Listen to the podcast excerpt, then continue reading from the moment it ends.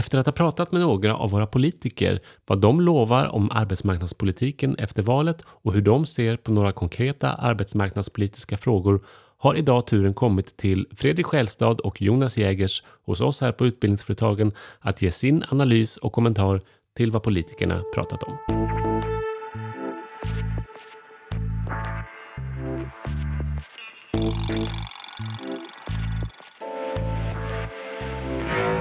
Hej Jonas och Fredrik. Hej Johan. Jag höll på att säga hej Filip och Fredrik, men det hade blivit ett helt annat typ av skojsigt program. Ja, det hade varit något. Mm. Jag lägger ribban högt ja. för hur kul det här ska vara. Ja, nej, men jag tror det blir kul. Du, eller, du, Fredrik och eh, Jonas, ni är ju experter på arbetsmarknadspolitik. En sak som har slagit mig här inför valet är ju att frågor om kompetensförsörjning och arbetsmarknadspolitik det har ju kommit bort alldeles. Det är fokus på sjukvård, lag och ordning eh, och en väldigt konkret fråga om skenande elpriser. Tycker ni att eh, arbetsmarknaden hade behövt större fokus i valrörelsen? Om vi börjar med dig eh, Jonas. Jo, men så är det. Grunden för allting är ju att vi har en välfungerande arbetsmarknad med en låg arbetslöshet och goda skatteintäkter. Men jag tycker också att sakpolitiken överlag eh, har fått stå tillbaka för väldigt mycket vem tar vem politik och snack och eh, budskap också från många partierna. Vilket är trist för att eh, sakfrågor framförallt inom arbetsmarknadspolitik är, är oerhört viktigt som grundfundament för allt annat. Mm. Vad, vad, tycker du Fredrik? Så är det och det, det blir mycket eh, fokus på vilka som ska bilda regering och den typen av spelfrågor istället för, för sakfrågorna och vi vet att vi kommer från en kompetenskris där mm. företagen har jättesvårt att hitta eh, personer att anställa. Och, eh, så, och då lyser den här frågan med sin frånvaro. Samtidigt så är det väl så att man måste ju alltid säga så här, careful what you wish for för att det är inte alltid jättebra att ha sin fråga som eh, den stora konfliktfrågan i valet för att då kan det också sluta lite hur som helst. Hur tänker du då? Men jag tänker som Arbetsförmedlingen, där eh, det är ju en fråga som har varit aktuell i flera valrörelser och där det kan bli ganska tvära kast där eh, de på den borgerliga sidan helt plötsligt bestämde att man skulle göra en stor nedskärning. Och det mm. blev ju inte, för våra medlemsföretag så blev ju inte det bra.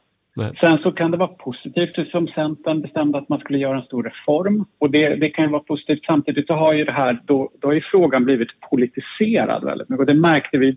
Vi mådde ju inte bra när det var ett stort bråk kring reformen utan det är ju, det är ju så att säga, det är ju bra att det sker en förändring men det är bättre om det är bred enighet kring mm. den förändringen än att det blir strid om man, bara in, om, om, man ska ta en take då från de, de intervjuer du har hållit hittills då, så, så är det väl egentligen en bred enighet om, om att det behöver reformeras och fortsätta att reformeras och göras om. Att det inte funkar, precis som Fredrik säger, vi är mitt i en kompetenskris samtidigt som vi har en hög arbetslöshet, framförallt den långtidsarbetslösheten. Mm. Så där är man väl överens. Sen är det väl lite olika hur man vill gå tillväga så att säga. Men det känns som att problembeskrivningen är på plats i alla fall. Mm. Ja, vi, vi har ju på utbildningsföretagen försökt dra vårt strå till stacken i alla fall att prata arbetsmarknadspolitik i valet genom att bjuda in arbetsmarknadspolitiska talespersoner att svara på frågor. Och vi har ju inte fått alla partier med oss, men vi har ju fått eh, fem i alla fall. Och precis som du säger Jonas, så kan man väl säga att alla är överens på något sätt om att Arbetsförmedlingen måste fortsätta reformeras. Sen är man väldigt, eh, eh man har väldigt olika åsikter om hur. Vad, vad har ni med för reflektioner när ni har lyssnat på vad politikerna har sagt om just Arbetsförmedlingen? men jag tycker frågan där du ställer först då, vad bara om för vallöften gällande arbetsmarknadspolitiken så, så kommer man lätt in på utbildningsfrågan. Mm. Eh, att vi har brist på rätt kompetens och man börjar prata utbildning. Eh, både Liberalerna och Centern men även SD och KD. Eh, och, och, jag tycker det är intressant att, att vi har hamnat där att man ser att det är en dag mycket större del av arbetsmarknadspolitiken än en ren utbildningsfråga. Det behöver lira ihop. Mm. Det som arbetsmarknaden efterfrågar behöver också komma från utbildningssidan. Och det tycker jag är väldigt positivt. Jag håller med där att det är väldigt positivt. Samtidigt, vi ser just nu att Arbetsförmedlingen säger upp kontrakt för i, på arbetsmarknad Eh, Eh, så att i Göteborg till exempel kommer det inte finnas några byggutbildningar eh, inom arbetsmarknadsutbildningen.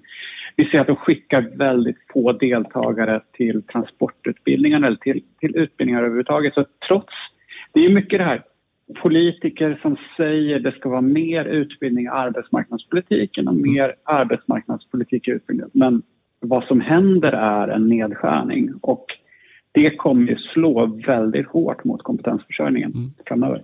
Om, man, om, man, om vi tittar på till exempel Socialdemokraterna var ett av de partier som inte hade möjlighet att ställa upp i våra intervjuer. Men om man tittar i deras valmanifest så står det till exempel att man jobbar med eller tycker att man måste jobba med att stärka den lokala närvaron av Arbetsförmedlingen. Eh, samtidigt när man pratar utbildning och att det ska finnas en starkare koppling mellan utbildningar och behovet av kompetens i samhället så nämner man inte överhuvudtaget arbetsmarknadsutbildningar. Finns det synen på arbetsmarknadsutbildningar, har den generellt sett förändrats tycker ni på senare tid? Jag tycker det, det märkliga i det är att jag upplever att från den, från den politiska sidan så är man mer positiv till arbetsmarknadsutbildningar idag än vad man var för två år sedan eller fyra år sedan. Men, och det har skett stora satsningar men det, har inte, det, det blir ingen verkstad av det och det är ju det stora problemet. Uh, och, och jag, jag, vet ju att i, inom uh, vad kallar vi det, arbetarrörelsen så är ju arbetsmarknadsutbildning det är någonting som man tycker är väldigt viktigt. Så jag tror att Socialdemokraterna verkligen, det är ju någonting de vill satsa på men, men tyvärr så går, når inte satsningarna fram. Om vi, om vi borrar ner lite mer då, vänta Jonas, eh, om, om du får frågan här. Eh, de här reformerna som man faktiskt har påbörjat och, och, där våra medlemmar faktiskt står beredda att leverera utbildningar. Varför får man ingen, varför blir det ingen verkstad? Nej, men man börjar fastslå så liksom, den politiska ambitionen är det ju inget fel på. Och, och i det tydligaste styrmedlen de har, vilket är regleringsbrevet till myndigheten, då Arbetsförmedlingen i, i det här fallet, så står det tydligt att det, det ska öka avsevärt. Och, och, och, på politiskt språk är det en väldigt tydlig signal. Mm. Men då är vi nog inne i det här behovet av, av reformeringen av Arbetsförmedlingen. Att det räcker inte bara med att köra matcha och rusta som liksom har fått klä skott för att vara reformeringen. Utan vi behöver få en myndighet som är fungerande och levererar det deras uppdragsgivare ber dem att leverera. Mm. Och i slutändan, det är vi faktiskt via skatten finansierar att de ska leverera. Och, och jag vågar sticka ut haken och säga att det är ett fruktansvärt misslyckande från Arbetsförmedlingens sida att inte kunna se till att det finns deltagare på arbetsmarknadsutbildning där vi vet att det behövs. Det är upphandlat och klart, behovsanalysen är gjord. Och sen får man se till att skruva så att det där funkar. För som det är idag så är det inte bara rätt tragiskt för våra medlemmar utan för de individerna som står långt från arbetsmarknaden och vill komma in så får de ingen insats. Jonas, du och jag pratade ju med Maria Mindhammar här i podden för ett par avsnitt sen Och all, det känns ju som alla är överens om att just, just insatserna för inte minst långtidsarbetslösa måste bli fler, fler och bättre på olika sätt. Men då, då kommer jag återigen tillbaka till frågan varför blir det ingen verkstad? Därför att alla verkar ju ändå vara överens. Nej, men ska man vara hård så är det ju uppenbarligen så att Arbetsförmedlingen inte klarar av sitt uppdrag. Vi har ju föreslagit i, i, i rapporten från Almega där vi skissar på det att ja, men låt matchningsföretagen kunna lotsa deltagarna mot arbetsmarknadsutbildning för att underlätta för, för Arbetsförmedlingen. Och då är vi tydliga med att myndighetsutövandet ska ligga kvar hos myndigheten men, men, låt våra medlemmar göra jobbet och se till att rätt personer hamnar där. För det skyller man på idag att ja, men det är fel personer. Mm. Får jag fylla på där? Mm. Så jag har också läst en analys som ett av våra medlemsföretag har tagit fram som visar att det är ju en oerhört omständlig process också för arbetsförmedlaren för att skicka en deltagare till arbetsmarknadsutbildning. Det, det krävde tydligen 26 knapptryck och många av de här, och 26 steg så att säga, och, och många av stegen är helt ologiska. Så jag tror också att man måste fundera över, går det att förenkla de här processerna, alltså för, för arbetsförmedlaren, att förenkla arbetsförmedlingens jobb. Samtidigt så är, är det någonting absurt att vi vi har ju gått från att prata, ja men det behövs en satsning för att, eh, för att människor ska komma i jobb. De behöver, det är supermånga i det här landet, de vill ha ett jobb. De behöver rustas för med en utbildning. Eh, och då finns arbetsmarknadsutbildningen. Och det, det har kommit pengar till det. Det har kommit ett tydligt uppdrag från, från regeringen om att eh, volymerna ska öka. Det blir ingen verksamhet. Nu vi, har pratat med alla, alla nivåer. Vi har pratat med, med ministern, vi har pratat med, med eh, statssekreteraren, vi har pratat med generaldirektören, vi har pratat med eh, cheferna under generaldirektörerna, vi har, eh, eh, cheferna under de cheferna. Och nu är vi nere i att vi börjar prata om hur många knapptryckningar är det egentligen? Hur kan vi förenkla liksom, arbetsförmedlingen på golvets jobb för att det verkar helt det är överbyråkratiserat och jättesvårt. Mm. Och det, det, är någonting väldigt, väldigt märkligt i den här processen. Hur, hur, vilken nivå måste vi engagera oss för att få verkstad i, i den här frågan? Mm. Nu pratar vi jättemycket om det här. Vi kanske ska försöka ja. här, zooma ur. Ja, vi, vi, vi, hamnar ju faktiskt lätt i, i, frågor kring Arbetsförmedlingen. Men om vi, om vi zoomar ut lite och lyfter blicken igen då. Eh, bra Fredrik, kring politik och, och arbetsmarknadspolitik här. Så om vi hoppar istället och pratar lite omställningsstudiestöd. Så där är ju ändå en, en reform som kommer igång nu ganska snart. Som jag uppfattar ändå att det finns en bred enighet i politiken att det här är en bra reform. Jonas, vad säger du? Vad, vad är ditt intryck av vad politikerna har sagt? Nej, men så känns det ju verkligen. Eh, och det, det, är ju alltid spännande att höra det spektrat vi får höra i podden då från, från vänster till höger att alla är överens om att det här är en bra satsning men med lite olika take på det. Då. Eh, och nu kommer det ju viktigt och det, och det lyfter ju åtminstone två partier att utbudssidan måste också finnas då. Att, att det måste finnas utbildning kring omställningsstudiestödet. Det är ju nästa nöt att knäcka. Ja, men de här personerna ska ju också kunna utbilda sig. Eh, det räcker inte med att ha det finansierat så att man klarar av sin vardag om man inte har en utbildning att gå i. Och, och, det blir nästa spännande puck tycker jag att följa. Ja, men hur väljer man inom politiken och den nya regering som tillträder att lösa just utbudsfrågan? Mm. Och där vi, om ett par veckor så kommer vi att ha en podd där eh, eh, Karina Lindfeldt Lindfelt från Svenskt Näringsliv och Caroline Söder från TSL pra, pratar och förklarar lite mer kring omställningsstudiestödet och utan att föregripa den intressanta diskussionen så pekar ju de också på flexibiliteten i utbildningsanordnarens utbud och kunna tillmötesgå eh, de behov som kan finnas här. Och vad säger vi om det, Fredrik? Har, upplever du att vi har en utbildningsbransch som är redo att ta hand om det här omställningsstudiestödet när det drar igång? Det tror jag definitivt. Och jag märker ju det redan nu hur många det är som ringer och vill prata om det och har frågor kring hur det kommer bli.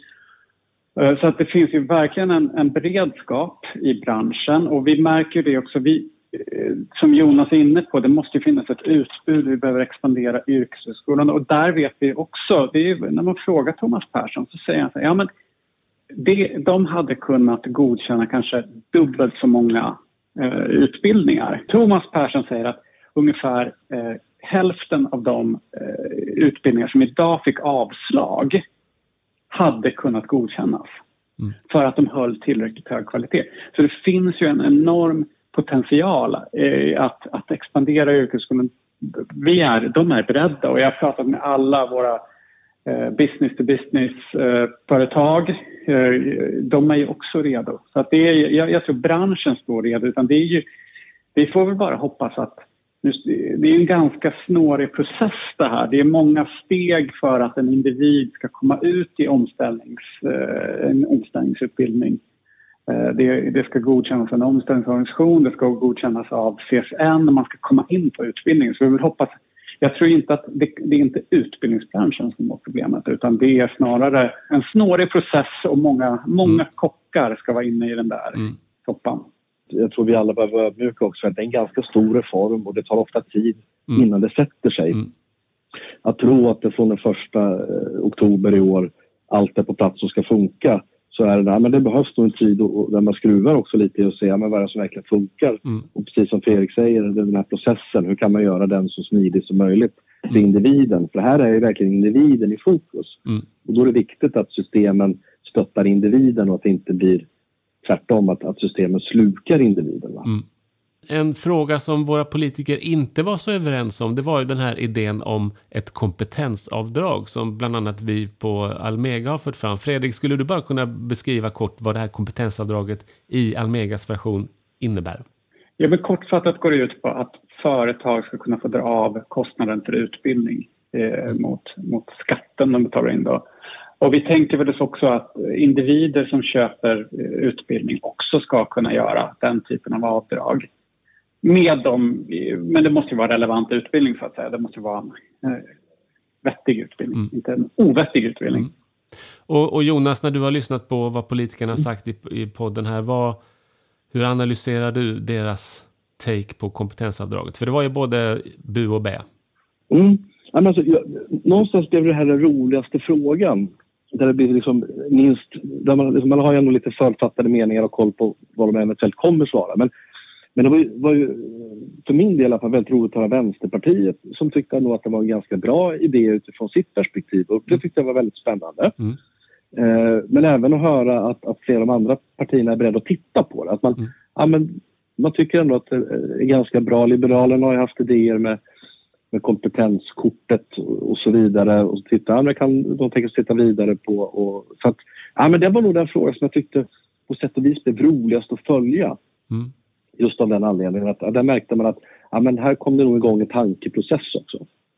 Man, man skulle ju kunna säga att att oavsett hur det här utformas eller om det, man kan tänka sig ett kompetensavdrag eller inte i framtiden så olika sätt att faktiskt stimulera kompetensutvecklingen i, i samhället är ju av intresse på olika sätt.